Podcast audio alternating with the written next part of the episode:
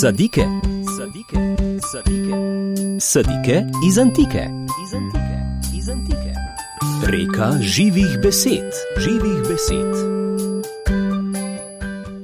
Lepo pozdravljeni, spoštovani poslušalci, dober dan pa tudi doktorici Ignaciji Frigljarc, dober dan. Lep dober dan. In dobrodošli. Gospa Ignacija, imate radi knjige? Zelo. Koliko jih imate doma približno? Osem jih nehala šteti, ampak se mi zdi, da je dom, v katerem je lepa knjižnica, um, nekako veliko bolj usrediščen v znanje in modrost, uh, kot če je prazen brez njih. Poznate kakšnega človeka, ki pozna samo eno knjigo in jo stalno citira in navaja? Uh, Moram priznati, da nisem niti pomislila.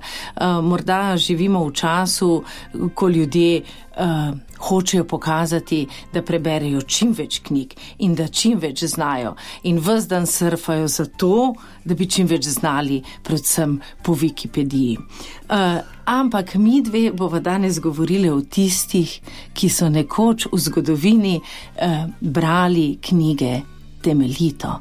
In prav o tem izreku je v srednjem veku govoril Tomaš Akvinski. Namreč govorili bova o reku, bojim se človeka ene knjige, hominem unius libri timeo. Naj bi ta izrek, vendar ni gotovo, po kasnejših pričevanjih prvi izrekel srednjeveški filozof, krščanski teolog in cerkveni učitelj Tomaš Akvinski, ki je bil rojen v ugledni grofovski družini in je že s petimi leti bil poslan v benediktinski samostan Monte Cassino. Vendar zaradi takratnih spopadov med papežem in cesarjem ta samostan za njim ni bil več najbolj varna izbira in oče ga je prestavil na študij v Neapelj. Tu pa se je srečal z dominikanskim redom, predvsem pa s filozofijo grškega modreca Aristotela. In Akvinski je potem to filozofijo temeljito prepletel s krščansko teologijo. Tako je na osnovi Aristotelove logike utemeljeval razmerje med filozofijo in teologijo, pa pomen razuma in njegovo združljivost z vero, dokazoval obstoj Boga, osvetljiv pomen naravoslovnega znanja. Do popolnosti pa je Tomaš Akvinski razvil scholastično metodo, to je branje in razlaganje svetega pisma in cerkvenih očetov. In tako je postal nesporna avtoriteta krščanske teologije. In zdaj v tem duhu njegove metode je treba razumeti izrek: Bojim se človeka ene knjige, ki mu ga pripisujejo. Moramo vedeti, da strah Tomaža Akvinskega v tem izreku ni usmerjen zoper vse tiste, ki preberejo eno samo, edinstveno knjigo. Tako danes najpogosteje razumemo ta izrek, ko smo vsi obsedeni s tem, koliko znanja bomo pokazali, kaj ne. Pač pa je izrekel Tomaš Akvinski s tem rekom strah pred avtoriteto tistega človeka, ki je sposoben znova in znova in znova prebirati eno samo knjigo, to je knjigo vseh knjig, sveto pismo. Torej, strah, ki ga je na tak način izrazil Tomaš Akvinski, je pozitivne narave.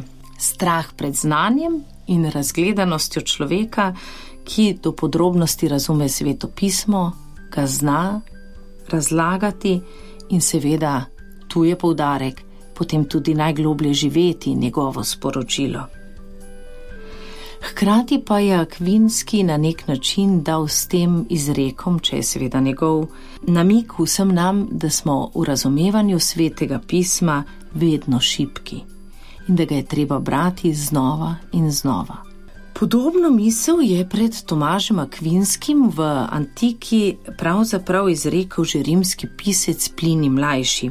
Ta je napisal kar nekaj tako imenovanih javnih pisem in je dejal: Kave ab homine unius libri, kar pomeni: Varuj se človeka ene same knjige.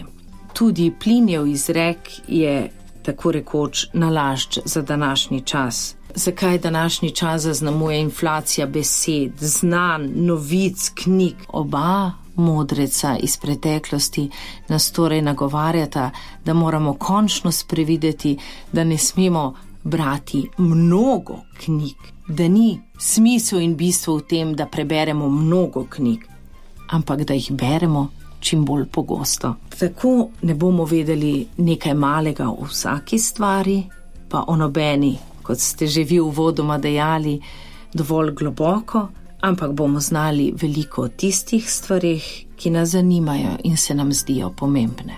Najlepša hvala, doktorica Ignacija Fridljarc. Upam, da sva dali namik, morda zdaj za pozne jesenske dolge večere, da se bo kdo pa le ob kakšnem ognišču usedel tudi ob knjigo in se poglobil vanjo in sam vase. In jo temeljito prebral, kaj ne. Nasvidenje in hvala. Tudi vam hvala. Sadike, sadike, sadike, sadike iz antike. Reka živih besed, živih besed.